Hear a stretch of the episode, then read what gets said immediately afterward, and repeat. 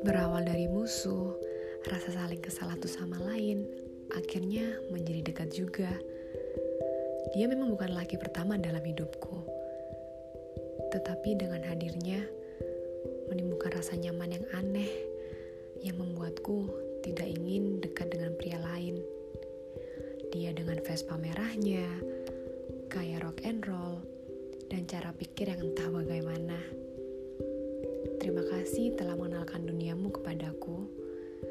Sempat membuat hidupku bahagia dan sederhana. Terima kasih juga telah membuatku menjadi seseorang yang lebih baik saat aku bersamamu.